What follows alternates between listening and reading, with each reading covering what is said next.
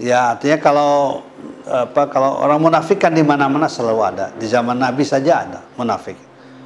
Bahkan munafiknya juga tokohnya juga luar biasa kan. Abdullah bin Ubay bin Salul ya yang membuat masjid masjid Dirar yang terkenal dalam sejarah yang me, apa yang memecah belah kaum muslimin yang berbicara di depan Nabi berbeda dengan berbicara di depan yang lain.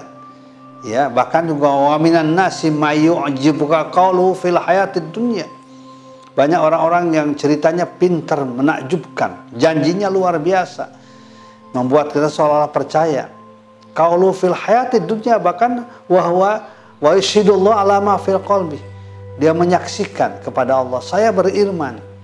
Ya, saya dengan kaum muslimin. Wahwa aladul qisam. Padahal dia sangat membenci kaum muslimin orang-orang yang beriman. Itu sudah diingatkan oleh Al-Quran. Oleh itu maka kita perlu hati-hati ya ketika menghadapi orang-orang yang semacam ini. Kita banyak kembali kepada Allah Subhanahu wa taala. Kita berlindung kepada Allah. Ya kita hanya bisa berlindung kepada Allah. Allah yang Maha tahu. Ya, Allah yang akan memberikan pembalasan. Allah yang Maha penyayang pada orang yang beriman. Ya, oleh karena itu maka banyak berlindung mendekat dengan Allah Subhanahu wa taala. Baca doa-doa misalnya begitu. Itu kan perlu sekali. Jadi kehidupan kita harus dihiasi dengan hirsun penjagaan dari Allah Subhanahu wa taala. Agar tidak terintervensi oleh pemikiran-pemikiran yang buruk yang menggoda kita yang mengganggu kita. Terutama dalam suasana di mana orang-orang munafik ya luar biasa ya kehidupan mereka itu. Jadi insya Allah kalau kita konsisten di dalam beramal ya kita kemudian banyak kembali kepada Allah, kita berjuang bersama orang-orang yang beriman, di mana pun kita berada, sekecil apa pun harus kita persembahkan kebaikan, ya. Jadi perbanyaklah apa bergaul dengan orang-orang yang beriman. Biasanya kalau kalau pergaulan itu akan ikut menentukan, ya menentukan sikap kita, kondisi kita. Begitu. Kalau kita punya saja konsisten dalam kejujuran, insya Allah akan bisa diselamatkan oleh Allah Subhanahu wa taala.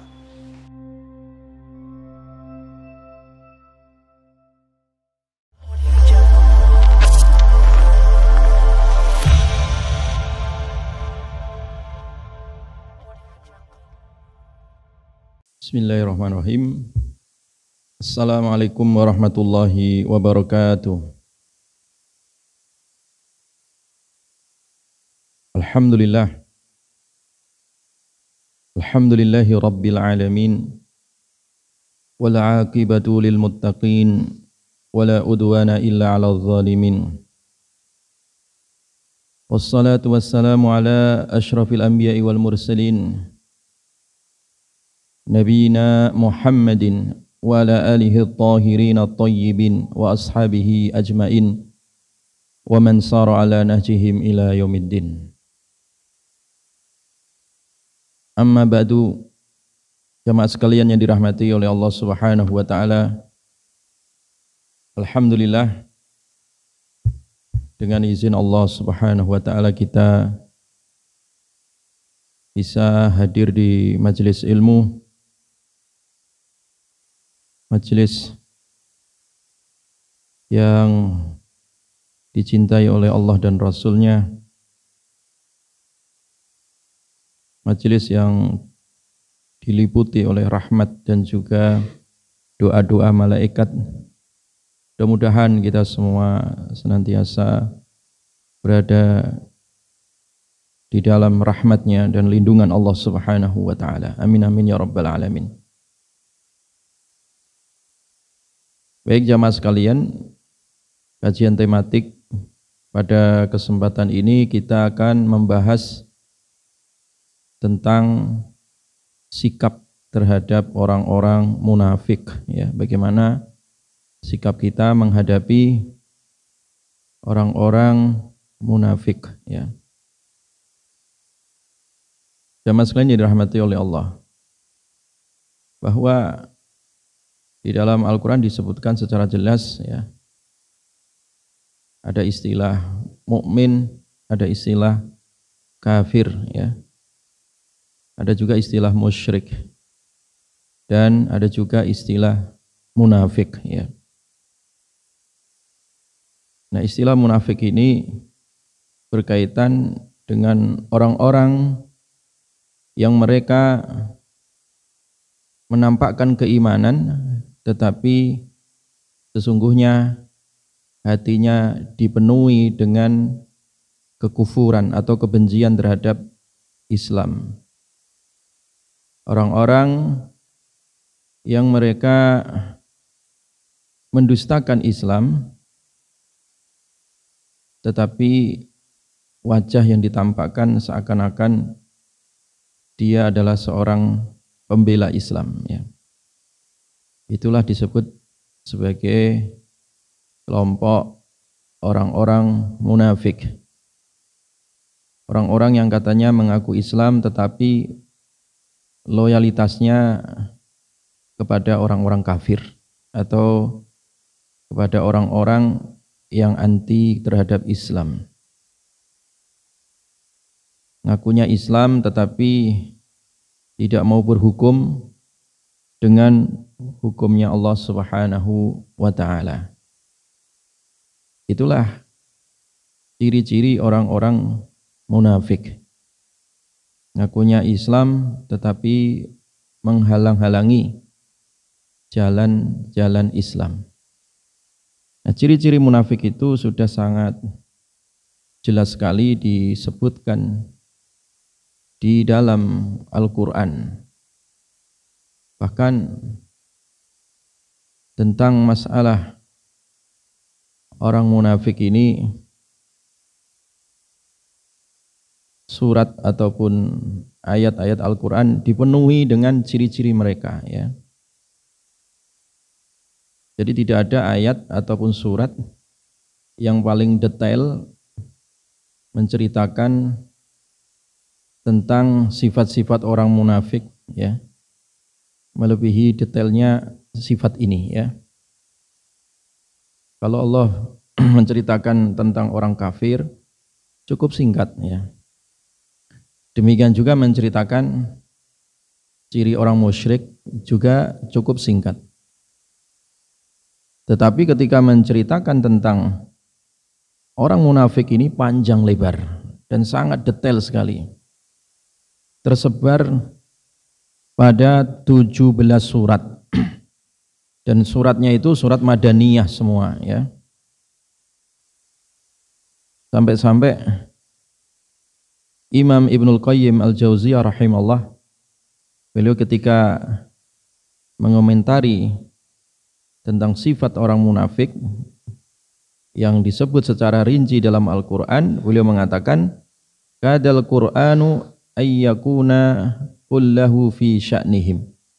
Hampir-hampir saja Al-Quran itu ya isinya itu menceritakan secara detail tentang sifat mereka itu saking banyaknya bahkan sampai ada surat namanya surat Al-Munafikun ada surat yang lebih detail lagi daripada surat Al-Munafikun yaitu surat At-Taubah. Itu isinya full tentang orang-orang munafik ya. Sehingga di sinilah Al-Quran bicara terang benderang secara rinci dan detail tujuannya supaya kita mewaspadai ya sifat nifak ini ya supaya mewaspadai dan berhati-hati supaya tidak terkena virus nifak ini ya. Karena virus kemunafikan ini ya, virus nifak ya, itu sebenarnya lebih bahaya daripada virus corona ya. Lebih bahaya daripada COVID-19, betul ya. Kalau virus COVID-19 itu mudah sekali dideteksi ya. Ada tanda-tandanya ya. ya. Tetapi virus munafik atau virus nifak ini itu menularnya lebih halus ya, lebih halus. Pelan halus ya. Sulit terkadang orang itu membedakan ini munafik atau muslim. Ini munafik atau mukmin. Nah, ini yang dikhawatirkan oleh Nabi sallallahu alaihi wasallam. Inna akhwafa ma akhafu ala ummati kullu munafikin alimil lisan sesungguhnya ya, perkara yang paling aku khawatirkan atas umatku ini yaitu kemunafikan orang munafik yang pandai bersilat lidah ya. Jadi orang munafik yang pinter retorikanya, pinter memainkan opini ya, pinter membuat wacana publik ya, pinter mengendalikan media ya. Sehingga banyak sekali orang-orang atau masyarakat dikelabui oleh lisannya ini ya. Itu yang dikhawatirkan oleh Rasulullah sallallahu alaihi wasallam. Jadi kullu munafikin alimil lisan. Jadi orang munafik yang pandai bersilat lidah ya. Artinya orang munafik yang pandai ya mengelabuhi banyak orang dengan lisannya. Lisan sekarang ini bisa diterjemahkan melalui media ya atau melalui opini yang dibangun di tengah-tengah masyarakat atau istilah kerennya bisa melalui buzzer-buzzer tertentu ya yang tujuannya untuk memutarbalikkan fakta dan seterusnya. Itu namanya kullu munafikin alimil lisan ya. Orang-orang munafik yang pandai ya bersilat lidahnya atau pandai lisannya. Ini termasuk yang dikhawatirkan Nabi. Kenapa dikhawatirkan? Karena ini akan membawa kerusakan pada internal tubuh umat Islam. Jadi kalau masalah orang kafir, orang musyrik itu udah tuntas. Artinya umat Islam tahu itu, ya. Ya, jadi non muslim yang berupa orang kafir ataupun orang-orang musyrik itu jelas. Semua orang tahu ciri-cirinya. Ya, mereka berada di luar umat Islam. Masalahnya adalah orang munafik ini berada di tubuh umat Islam. Ya. Dia berada di internal umat Islam. Mereka sholat, iya mereka sholat. Ya. Mereka zakat, terkadang zakat. Ya. Apa mereka naik haji? Ya bolak-balik terkadang, apalagi umroh. Ya. Jadi orang munafik itu ya tumbuh ya berada di tengah-tengah umat Islam. Ya. Mereka menyembunyikan kekufurannya, kebenciannya, dan terkadang ya yang ditampakkan itu adalah seakan-akan dia pendukung Islam, padahal tidak ya. Nah, diriwayatkan dari Hudzaifah bin Yaman jadi setelah Rasulullah Shallallahu alaihi wasallam wafat ya. Karena memang kemunafikan itu munculnya di Madinah ya, bukan di Mekah ya. Jadi ayat-ayat yang bicara tentang orang munafik ini ayat-ayat Madaniyah ya, ayat-ayat yang diturunkan di Madinah. Mereka berada di tengah-tengah umat Islam ya. Nah, kata Hudzaifah bin Yaman setelah wafatnya Nabi Shallallahu Alaihi Wasallam kemudian ganti khalifah ya, Khulafaur Rasyidin berikutnya Orang munafik itu lebih banyak lagi muncul ya. Bermunculan. Ketika bermunculan orang-orang munafik tadi yang merusak dari tubuh internal umat Islam, maka Hudzaifah bin Yaman beliau berkata, Innal munafiqina al-yaum sesungguhnya orang-orang munafik pada hari ini. Pada hari ini itu maksudnya di di zaman Hudzaifah bin Yaman artinya setelah wafatnya Nabi ya. Ini masih zaman sahabat ini. Sesungguhnya orang-orang munafik pada hari ini syarrun minhum ala ahdin Nabi sallallahu alaihi wasallam. Itu lebih buruk ya daripada orang munafik di zaman Nabi sallallahu alaihi wasallam. Hari ini orang munafik lebih buruk, lebih parah daripada orang-orang munafik yang dulu memusuhi Nabi. Kanu yauma idzin yusirrun adalah dulu mereka merahasiakan.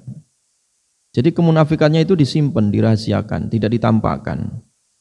Mereka juga hadir di masjid, hadir di masjid. Mereka apakah ikut perang kepada apa peristiwa bersama Nabi? Iya mereka ikut perang tetapi menggembosi dari dalam ya. Kadang mereka pulang, kadang terlambat dan seterusnya. Ya. Atau berputar arah. Nah, dulu orang-orang munafik itu menyimpan atau merahasiakan sifat kemunafikatnya. Wal yauma yajharun. Pada hari ini mereka terang-terangan. Itu zaman sahabat loh. Udah 14 abad yang lalu. Itu sudah terang-terangan ketika pasca wafatnya Nabi Shallallahu Alaihi Wasallam. Itu 14 abad yang lalu. Ya, 1400 tahun lebih yang lalu. Nah sekarang lebih terang benderang lagi. Orang munafik nggak ada nggak ada lagi apa hijab ya, tidak ada lagi penghalang lagi. Mereka terang-terangan. Ya. Dengan kemunafikannya itu terang-terangan. Pasca wafatnya Nabi saja orang-orang munafik itu bermunculan dan mereka terang-terangan ya. Ya. Jadi tampak jelas kemunafikannya. Ya. Nah, di zaman kita sekarang ini malah justru lebih parah lagi ya lebih parah lagi perkembangan orang-orang munafik ini. Ya. Makanya orang munafik itu ciri khasnya itu adalah menghalangi dari jalan Allah Subhanahu wa taala. Jadi dia suka menghalangi jalan Allah, ya. Menghalangi jalan Allah ya mereka ya kontradiksi antara ucapan dan perbuatannya, ya wa minan nasi may yaqulu amanna billahi wa bil yaumil akhir wa ma hum bimumin ya dan dari kalangan manusia itu ada mereka yang berkata kami beriman pada Allah beriman pada hari akhir. Padahal mereka tidak apa? Beriman. Kerjaannya apa? Ya. Al khada' ya. Yukhadi'una Allah wal ladzina amanu wa ma yakhda'una illa anfusahum wa ma yash'urun ya. Kerjaan mereka itu nipu Allah, nipu orang mukmin. Makanya orang munafik ini paling senang sekali untuk menguasai opini publik, tujuannya untuk menipu ya, mengelabui masyarakat, memutarbalikkan fakta ya. Makanya sejak zaman Nabi orang munafik itu menguasai media-media ya. Media-media terbatas waktu itu. Dan sampai hari ini pun sama ya. Ya, modus orang-orang munafik itu sama. Bagaimana mereka itu menguasai media-media tujuannya untuk apa? Al, al khoda ya, untuk menipu ya. Untuk menipu, mengendalikan opini publik ya. Tujuannya untuk e, menghalangi orang-orang yang beriman.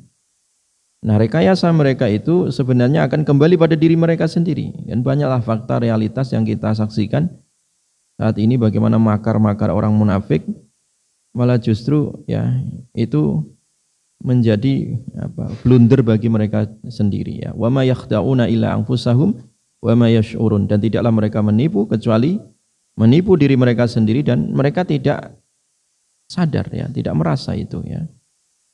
Tidak merasa. Kerjaannya berbuat kerusakan itu. Ekonomi rusak itu gara-gara siapa? Orang munafik juga ya. Politik rusak juga gara-gara kemunafikan. Pendidikan rusak juga gara-gara kemunafikan ya.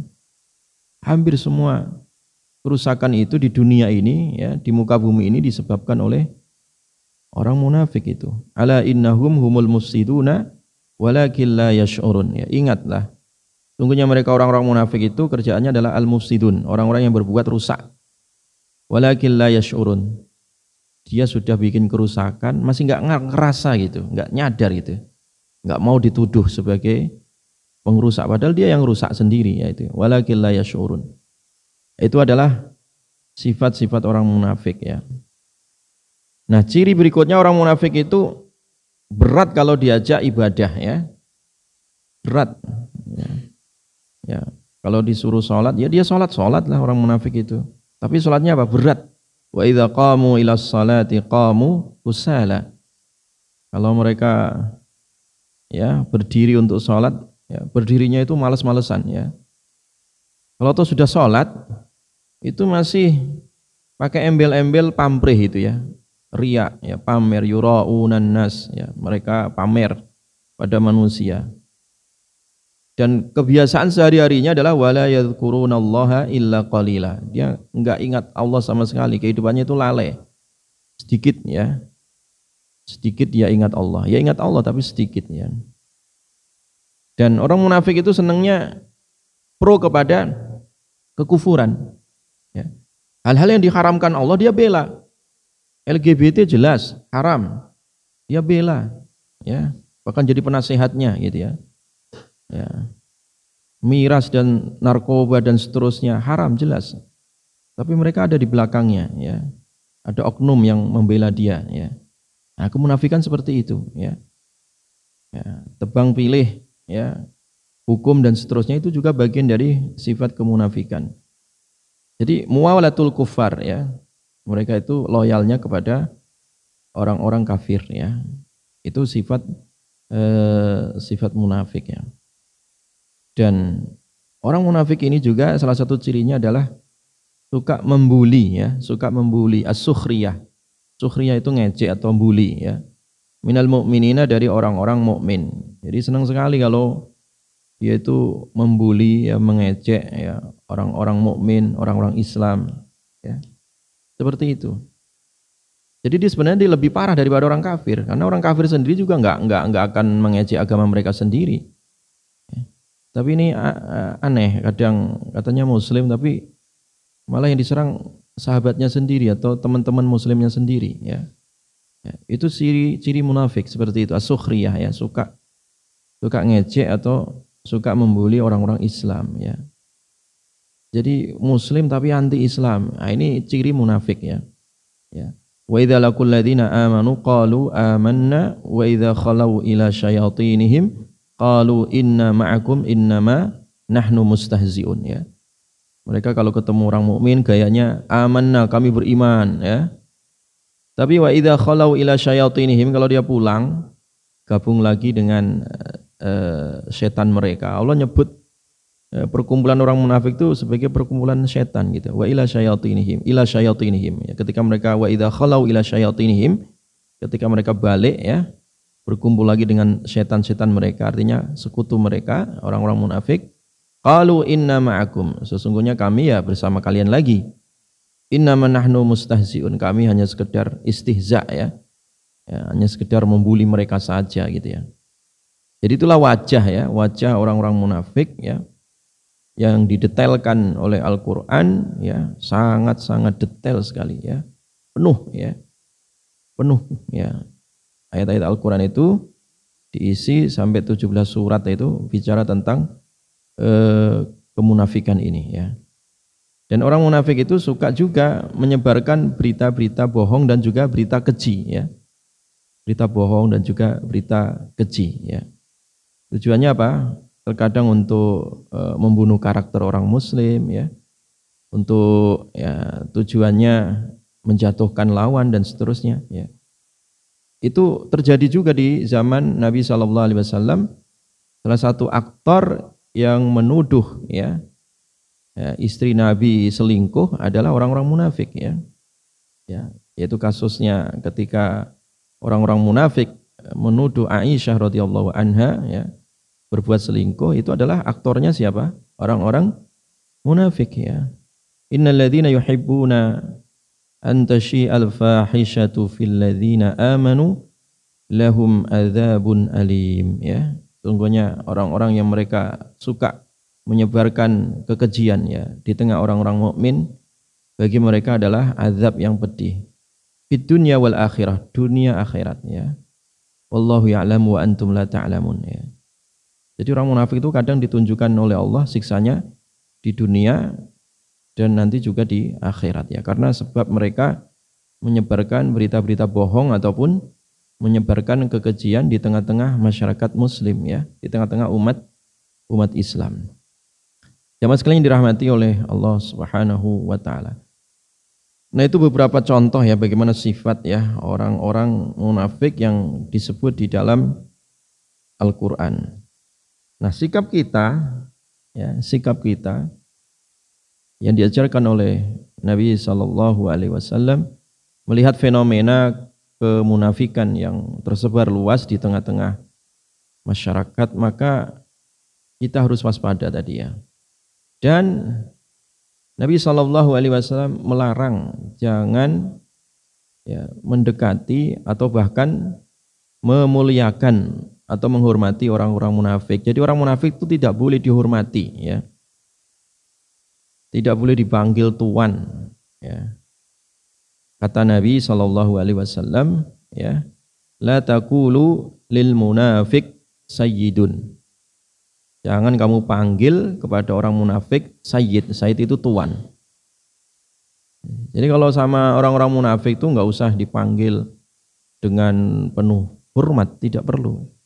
Kalau mau panggil panggil aja namanya gitu, nggak perlu dipanggil mas atau kang atau tuan, nggak perlu. Ya.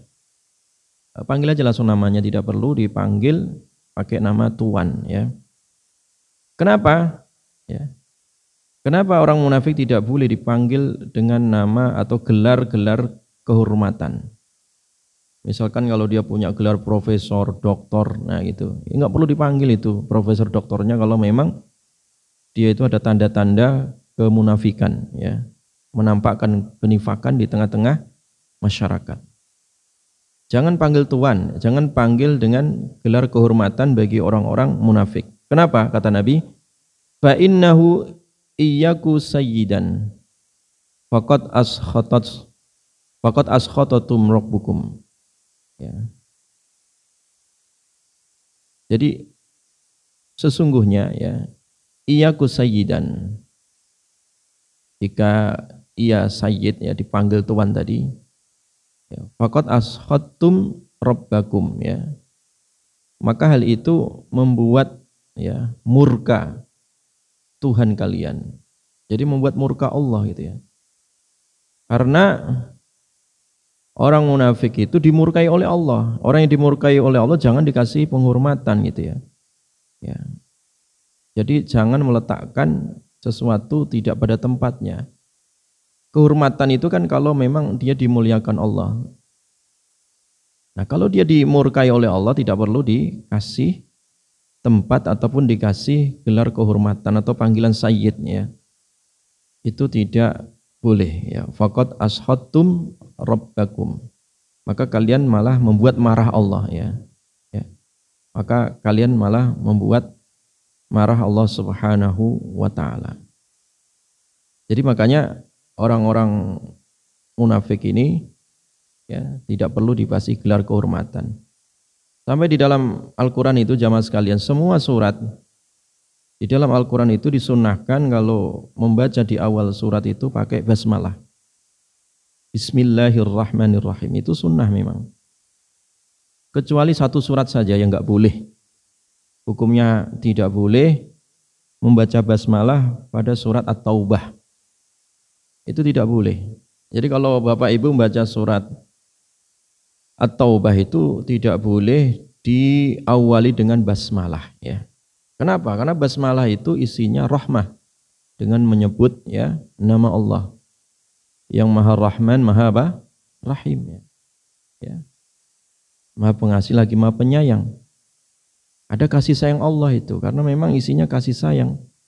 Tapi ketika pertama nyambung dengan surat At-Taubah itu sudah Allah melaknat orang-orang musyrik dan juga melaknat orang-orang munafik ya.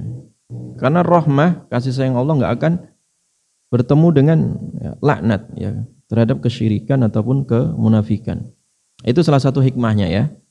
Ya kenapa di dalam surat At-Taubah itu kita dilarang membaca basmalah ketika di awal itu ya. Karena antara rahmat dan laknat itu tidak akan pernah bertemu ya. Nah, sehingga di sini Nabi Shallallahu Alaihi Wasallam mengingatkan ya terhadap orang munafik itu tidak perlu disanjung-sanjung ya, tidak perlu diluhur-luhurkan atau dipanggil dengan panggilan sayyid atau gelar-gelar kehormatan tuan ya. Ya, yang biasa ada di tengah-tengah masyarakat itu tinggalkan kata Nabi ya. La taqulu lil munafik sayyidun fa innahu iyyaku sayyidan faqad ashatum rabbakum ya. Itu yang pertama yang diajari oleh Nabi sallallahu alaihi wasallam ya. Nah, kemudian sikap yang berikutnya ya, sikap yang berikutnya yang diajarkan oleh Nabi Sallallahu Alaihi Wasallam bahwa kita bermuamalah kepada orang munafik itu secara lahir ya, ya. Secara lahiriah, secara zohir, ya, dan secara sabar ya, secara lahir dan juga secara sabar. Itu sikap yang harus dipegang ketika kita berhadapan dengan orang-orang munafik ya. Harus sabar ya sebagaimana diajarkan oleh Nabi Shallallahu Alaihi Wasallam. Karena Nabi itu di Madinah itu lama sekali, ya, lama sekali, ya, berjumpa dan juga bergaul, ya, bermuamalah dengan orang-orang munafik, ya. Karena mereka juga datang sholat, ya, mereka sholat, ya, bersama Nabi, iya, jamaah mereka, ya. Cuman ada waktu tertentu yang mereka tidak hadir, ya yaitu waktu sholat isya sama sholat subuh. Kenapa mereka nggak hadir? Nggak kelihatan. Di zaman Nabi nggak ada lampu kayak kita sekarang kayak gini ya. Kalau isya itu gelap ya, subuh juga gelap. Mereka nggak hadir itu. Kalau dia maghrib masih datang, zuhur masih asar masih datang, zuhur masih datang dia, karena kelihatan. Ya. Tapi kalau sudah isya atau subuh mereka tidak datang. Itu zaman Nabi. Kalau munafik zaman sekarang lima waktu nggak datang dia kadang kali ya. Jadi kalau zaman sekarang itu udah terang-terangan ya. Malah terkadang orang sholat dibully, di diledek, diejek dan seterusnya itu ya. Makanya orang munafik zaman sekarang itu udah stadium 4 gitu ya. Jadi parah kata Udzaifah saja setelah pasca wafat Nabi itu orang munafik itu udah parah terang-terangan, apalagi zaman sekarang. Ya, itu udah stadium 4 ya. Orang munafik sekarang itu udah hilang rasa malunya itu ya udelnya itu udah hilang ya, ibaratnya itu ya udah nggak punya rasa malu sama sekali ya, ya. ya KTP-nya sih muslim ya kakaknya juga muslim ya, ya terkadang juga pakai jubah ya pakai jas ya pakai sorban ya. Yes. orang munafik itu ya menampakkan siar Islam kayaknya gitu ya. Tapi hati dan lisannya itu terkadang selalu menyakiti umat Islam ya. Selalu menyakiti umat Islam dan tidak pernah membela Islam ya. Maka kita harus sabar itu ya. disuruh sabar sama Nabi Shallallahu Alaihi Wasallam ya karena ya kesabaran itu nanti banyak sekali hikmahnya ya iya betul kalau kita frontal menghadapi orang-orang munafik ketemu orang munafik langsung dibunuh wah itu jadi fitnahnya lebih besar sekali Nabi tidak melakukan itu ya sabar ya. Jadi butuh kesabaran ekstra menghadapi orang munafik daripada menghadapi orang musyrik atau menghadapi orang-orang kafir yang jelas yang terang ya. Pernah di zaman Nabi ketika perang Hunain ya. Perang Hunain seperti biasa kalau sudah selesai perang Nabi membagi-bagi ghanimah ya. Dibagi-bagi ghanimah ya. Nabi terkadang menghormati masing-masing kepala suku ya dikasih. Seperti Akra bin Habis dikasih 100 onta ya. ya. Ada yang dikasih separuhnya dikasih. Jadi semua dikasih oleh Nabi Shallallahu Alaihi Wasallam. Nah kemudian orang munafik itu biasa kalau nggak kebagian itu pasti dia ngomong itu ya. ya. Jadi kalau orang munafik itu apa kepentingannya ya sahwat keinginannya tidak terpenuhi, pasti dia ngomong. Ketika dibagi-bagi, dia merasa dibagi dapat sedikit gitu, ya. Dia bilang, ya. Dia bilang, Wallahi inna hadhi lakismah ma'adala fiha wa ma urida fiha wasyullah. Wah ini enggak adil ini. Jadi Nabi dikatakan seperti itu. Nabi enggak adil. Ya. Ini mah bukan karena Allah ini. Enggak ikhlas kayaknya Nabi ini. Jadi nyeletuk kayak gitu.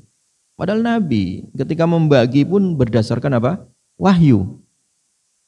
Ini karena merasa dianya mungkin kurang pas ya atau kurang banyak gitu dikasih oleh Nabi, dia dapat bagian dapat. Tapi karena nggak puas, dia ngomong Nabi ini nggak adil ini ya, udah nggak karena Allah lagi ini. Ya. Akhirnya kabar itu sampai kepada Nabi Shallallahu Alaihi Wasallam, ya. Maka ya, Nabi Shallallahu Alaihi Wasallam mengatakan, "Fama ya'dil, fama ya'dilu illam ya'dilillah wa rasuluh." Siapa lagi? Ya, kalau Nabi tidak adil, ya. Siapa yang tidak adil? Ya. Jadi kalau Nabi tidak adil, siapa lagi mau dicontoh gitu kan? Ya. Nabi diam, ya. Nabi tidak mengatakan langsung sikat itu si munafik enggak, ya. Jadi Nabi membiarkan aja, ya. Dan Nabi mengatakan, Yarhamullahu Musa. Allah merahmati Nabi Musa. Qad udhiya bi akthar min hadza fasabar ya. Nabi Musa itu lebih banyak disakitin daripada hanya sekedar ucapan si munafik ini ya. Artinya Nabi itu ketika merasa sakit hati, apakah Nabi sakit hati? Ya, Nabi itu manusia juga gitu ya. Ya sama kayak kita. Kalau ada omongan yang nyelekit ya, nyeletuk gitu ya. Ya namanya manusia juga punya telinga, ya punya hati. Ya, ya tersinggung juga ya. Tetapi Nabi di tengah-tengah disakiti oleh orang munafik, Nabi mengingat ya, membuka sejarah. Oh iya, Nabi Musa itu malah lebih parah disakiti oleh siapa? Bani Israel ya. Makanya di sini Nabi Shallallahu Alaihi Wasallam mengajarkan kita supaya ya supaya kita itu sabar ya supaya kita sabar dan harus cantik ya cara menghadapi orang-orang munafik ini harus cantik mainnya gitu ya. Kalau frontal tuh gampang ditelikung dan gampang dijatuhkan ya. ya. Makanya dengan kesabaran yang baik ya, dengan strategi yang tepat, nah itu bisa jadi menyadarkan orang-orang eh, munafik itu sendiri dan juga mengundang simpati yang lain supaya mereka tertarik terhadap eh, Islam ya. Taib jamaah sekalian dirahmati oleh Allah Subhanahu wa taala ya. Nah, kemudian ketika pembesar munafik yaitu Ubay bin Salul ya mati maka asalnya Nabi itu ya ingin menyolatkan Ubay bin Salul ini ya jadi orang sudah tahu semua kalau Ubay bin Salul itu memang gembongnya orang orang munafik ya. ya. Asalnya Nabi bermuamalah dengan muamalah yang zohir tadi. Ya, Nabi menyolatkan ya. Tapi akhirnya ditegur oleh Allah Subhanahu wa taala ya. Wala tusalli ala ahadim minhum mata abada. Wala takum ala qabri ya. Ya. Jadi jangan sholati ya. Seorang pun dari mereka kalau mati ya selamanya ya. Dan jangan berdiri di atas kuburannya ya. Innahum kafaru billahi wa rasulih. Sungguh mereka itu kufur ya terhadap Allah dan rasulnya. Wa matu dan mereka mati wahum fasikun. Ya dalam kondisi apa? Fasik. Jadi Nabi pernah ditegur oleh Allah gara-gara nyolati siapa Ubay bin Salul atau orang munafik ya tokoh gembong orang munafik ini ya. Jadi ditegur ya karena orang munafik itu sebenarnya dia orang kafir dia. Sebenarnya orang apa? Kafir. Cuman gayanya itu loh ya wajah yang ditampakkan itu adalah wajah muslim gitu seakan-akan wajah yang santun ya ya humanis ya gitulah bahasa-bahasa sekarang itu di manis-maniskan itu bahasanya ya, ya seakan-akan e, membela kaum kaum marginal nah gitu ya. E, membela orang yang haknya dizolimi seperti kaum LGBT makanya harus dibela. Jadi manis perkataannya manis ya. Sampai teman-teman itu kalah di MK itu gara-gara orang-orang munafik juga itu yang undang-undang masalah Ahmadiyah masalah gender itu kan menang terus mereka itu di MK ya. Ya jadi pergulatan itu mereka sudah mulai masuk ke undang-undang ya, menyediakan lawyer-lawyer yang tangguh semua ya. Ya, ya teman-teman yang ingin meluruskan kasus-kasus tentang Ahmadiyah, LGBT itu kalah terus itu. Kalah di MK pun kalah ya. Canggih mereka itu. Jadi kemunafikan itu selalu menghalangi eh, jalan kebenaran. Sudah Isya ya? Sudah ya? Belum? Tinggal lima menit ya. Berarti ini disingkat. Sebenarnya panjang. Kitabnya tebel kayak gini ya. Ini munafik kan memang tebel betul kalau dibahas satu persatu itu ya. Yang terakhir ya minimal kita selamat dari sifat munafik ya. Bagaimana terapinya? Jadi setelah kita mengetahui ciri-cirinya dan kita bagaimana sikap terhadap mereka, Nah, sekarang supaya munafik tidak masuk pada diri kita dan keluarga kita ya. Maka butuh yang namanya terapi ya. Butuh terapi atau proteksi diri ya. Nah, salah satunya adalah dengan cara sholat jamaah, Pak, ya, sholat berjamaah. Itu dijamin ya. Nabi Shallallahu Alaihi Wasallam sebagaimana di dalam riwayat Imam At-Tirmidzi rahimahullah, beliau mengajarkan para sahabat ya ketika banyaknya kasus-kasus kemunafikan ya di Madinah ya.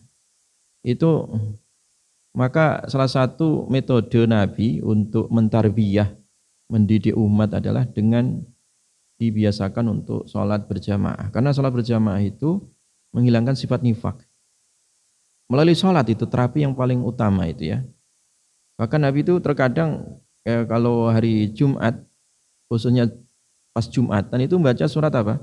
Al-Jumu'ah sama surat Al-Munafikun ya Kenapa dibaca surat Al-Munafikun? Supaya nyadar juga orang munafik, karena orang munafik juga Jumatan itu.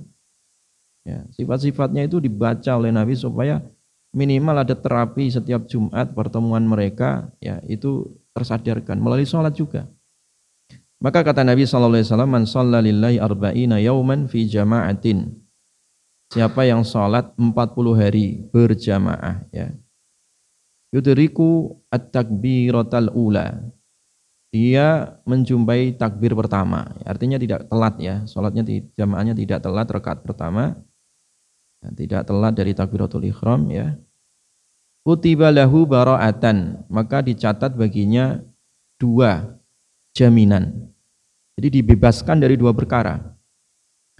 Bara'atun minan nar, terbebas dari api neraka.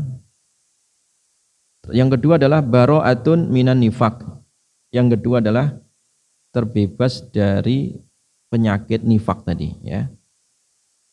Jadi kalau ada tanda-tanda di dalam diri orang muslim atau orang yang beriman ya, ada tanda-tanda kemunafikan.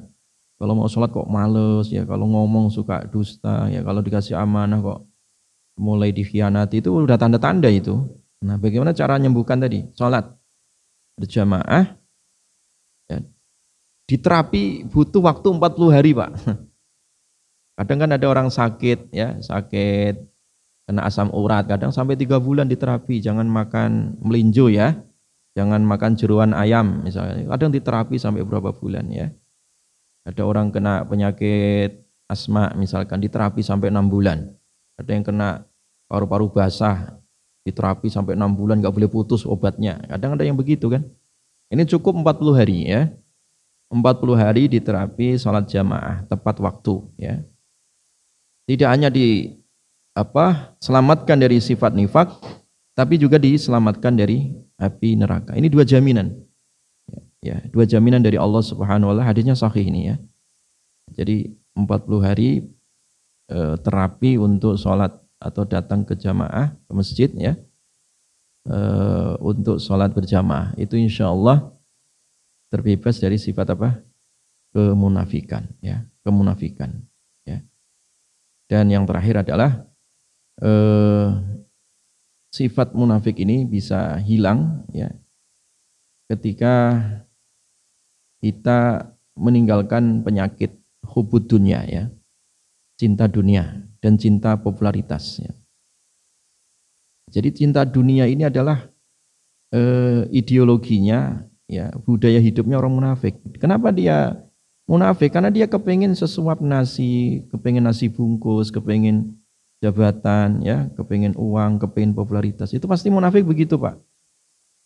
Makanya surat Al-Munafikun itu ayat akhir itu ditutup ya ayyuhalladzina amanu la tulhikum amwalukum wala auladukum an dzikrillah. Diingatkan lagi oleh Allah jangan kalian diperdaya oleh harta kalian, ya, duit, harta dunia, ya. Dunia ini kan isinya cuma empat ta, Pak. Ya, harta, tahta, wanita, Toyota, empat aja ya. Dunia ya empat ta itu ya. Nah kadang empat ta inilah yang terkadang membuat orang munafik ya, menjual iman, menjual harga diri kadang ya, menjual ilmunya kadang itu. Dia tahu itu salah tapi dibela. Ada duitnya di belakang.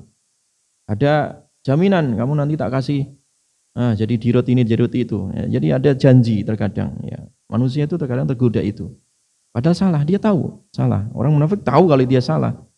Tapi karena hatinya tadi dikuasai oleh harta dan e, tahta tadi, ya itulah yang menyebabkan manusia terjebak. Makanya jangan terlalu cinta dunia lah ya. Dunia itu taruh di tangan aja ya. Jangan ditaruh di dalam hati. Kalau taruh dalam hati itu jadi penyakit itu ya. Wallahu a'lam bishawab. Sudah Isya ya. ya. Kita tutup. Subhanakallahumma wa bihamdika asyhadu an la ilaha illa anta astaghfiruka wa atubu ilaik. Assalamualaikum warahmatullahi wabarakatuh.